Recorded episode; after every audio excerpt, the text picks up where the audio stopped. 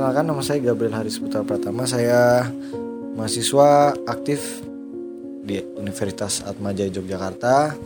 Seberapa penting menurut Anda dialog antar umat beragama dilaksanakan di lingkup universitas?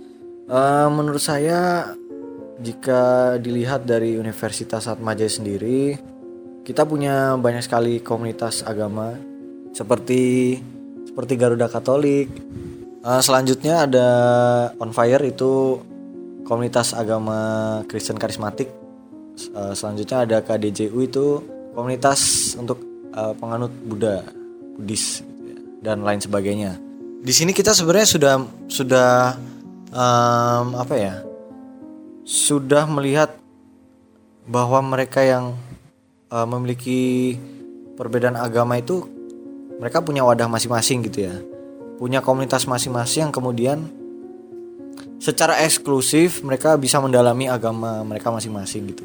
Tapi di sini kan uh, artinya kalau membahas soal dialog antar agama berarti kita bersikap inklusif ya, maksudnya gimana di masing-masing komunitas itu kemudian bisa memperkaya satu sama lain gitu. Nah pentingnya itu ya sangat penting menurut saya karena uh, ya bisa dimulai secara eksklusif lalu kemudian inklusif misalnya uh, satu komunitas dengan komunitas yang lain itu mereka bisa berdialog uh, saling membagi nilai-nilai value-value yang yang ada di dalam komunitas tersebut gitu ya.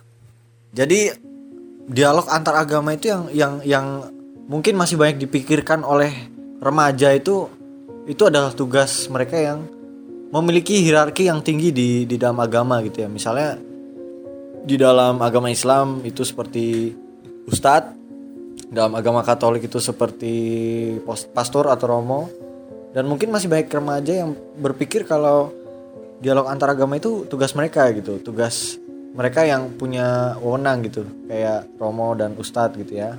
Tapi sebenarnya eh, bagaimana agama itu bisa tetap eksis itu menurut saya karena peran orang muda juga sih jadi bagaimana orang muda menghidupi nilai-nilai yang ada, saling saling eh, membagikan pengalaman mereka, kesaksian hidup dan lain-lain. Nah, itu bisa menurut saya bisa saling memperkaya dan apa ya, tidak merugikan sih menurut saya, tidak merugikan dan malah menambah pengalaman teman-teman yang lain juga gitu. Lalu di pertanyaan kedua, apakah menurut Anda dialog antar umat beragama itu perlu diadakan rutin? Jadi mungkin rutin atau tidaknya dialog antar agama itu Uh, tergantung kebutuhan sih. Jika di dalam lingkup universitas mungkin tidak usah terlalu uh, sering ya. Karena kan uh, pun kita juga harus secara eksklusif gitu ya saling memperkaya di dalam komunitas masing-masing dan mungkin ya sebulan dua kali atau sebulan sekali ya. Nah, jika kepentingannya adalah untuk uh, dialog antar antar agama untuk membahas isu-isu tertentu yang ya ada di luar lingkup universitas itu mungkin perlu secara rutin dilakukan gitu ya sesering mungkin gitu. Lalu pertanyaan selanjutnya, apakah Anda setuju bahwa pengetahuan agama yang baik itu akan menuntun orang untuk memiliki akhlak yang baik juga? Ya, menurut saya uh, saya setuju. Pengetahuan agama yang baik itu akan menuntun orang untuk memiliki akhlak yang baik juga. Tapi agama ini bukan sebenarnya bukan satu-satunya fondasi yang bisa yang hanya bisa kita pakai untuk apa ya mengukur bahwa orang itu akan berbuat baik juga gitu. Nyatanya orang yang mungkin orang yang uh, memiliki pengetahuan yang baik akan agama gitu malah biasanya mereka meragukan nilai-nilai yang ada dalam agama karena saking uh, apa ya saking mereka mengetahui atau bersikap kritis atas apa yang uh, ada dalam nilai-nilai agama gitu ya. Jadi sebenarnya pengetahuan agama itu tidak menjadi jaminan kalau seseorang itu akan uh, menjadi baik juga gitu. Tapi itu merupakan salah satu fondasi yang penting sih menurut saya. Lalu yang kelima, kalau Anda seandainya jadi pemimpin dialog antar umat beragama di universitas Anda, program-program apa saja yang akan Anda berlakukan?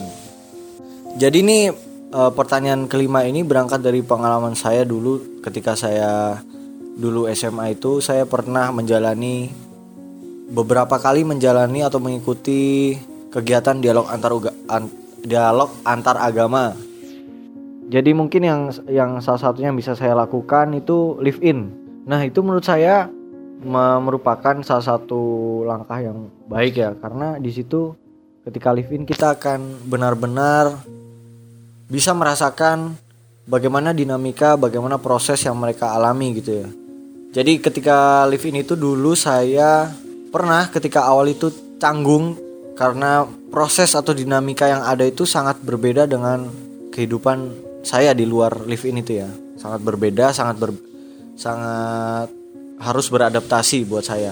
Nah tapi karena seiring berjalannya waktu saya pun dituntut untuk mengikuti dinamika atau proses itu karena mau tidak mau kita hidup di tengah-tengah mereka kita menjadi minoritas di sana mau tidak mau kita harus mengikuti apa yang ada di sana gitu ya nilai-nilai yang ada di sana gitu Nah, program Livin ini menurut saya cukup bagus uh, dilakukan. Ini jika ingin dilakukan di luar universitas gitu ya. Ini sekalian uh, bisa memperkaya pengetahuan satu sama lain gitu. Misalnya ada pertanyaan-pertanyaan tertentu yang ingin kita tahu mengenai agama tertentu, itu bisa kita diskusikan atau bisa kita sharingkan ketika nanti live in gitu. Tapi jika program-program untuk uh, internal kampus itu mungkin bisa diadakan seperti sarasehan.